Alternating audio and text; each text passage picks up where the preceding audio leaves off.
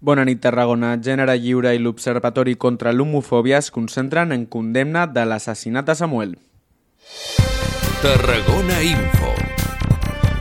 Gènere Lliure i l'Observatori contra l'Homofòbia de Tarragona han convocat aquest vespre una concentració en condemna de l'assassinat de Samuel a la plaça de la Font. Miquel Blai, membre de Gènere Lliure, expressa que aquest tipus d'agressions mai haurien d'haver-hi existit. Com a membre del col·lectiu LGTBI, Blai expressa que la por és cada dia més present, arribant al punt que hi ha gent que es pren la vida.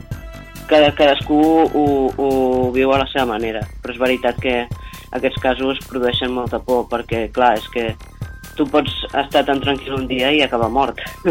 Vull dir, és, és molt fort, realment, és molt fort i pot canviar la vida a tota la gent del seu voltant, també. L'Ajuntament de Tarragona inaugura l'Oficina pel Treball Digne i l'Ocupació de Qualitat. Aquest és un servei gratuït d'assessorament laboral per totes les persones de la ciutat i de l'entorn.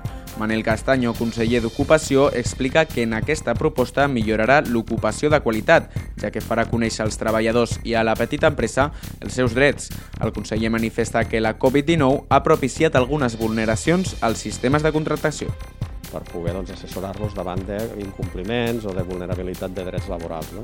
I aquesta és una finalitat que davant del Covid que es poden donar situacions de que algunes empreses puguin, puguin doncs, eh, no utilitzar correctament els sistemes de contractació, doncs que, que hi hagi doncs, aquest servei des de Tarragona Impulsa.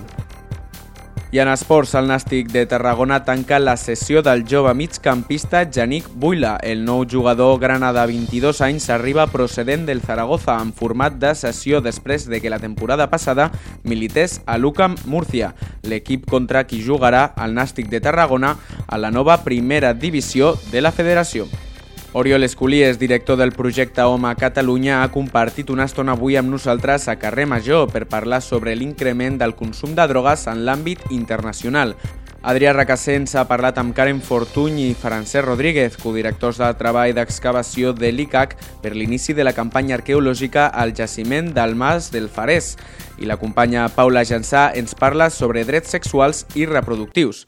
Tot això i molt més a la nostra pàgina web. Segueix-nos a les nostres xarxes socials, Facebook, Twitter i Instagram i descarrega't la nostra aplicació per iPhone i Android.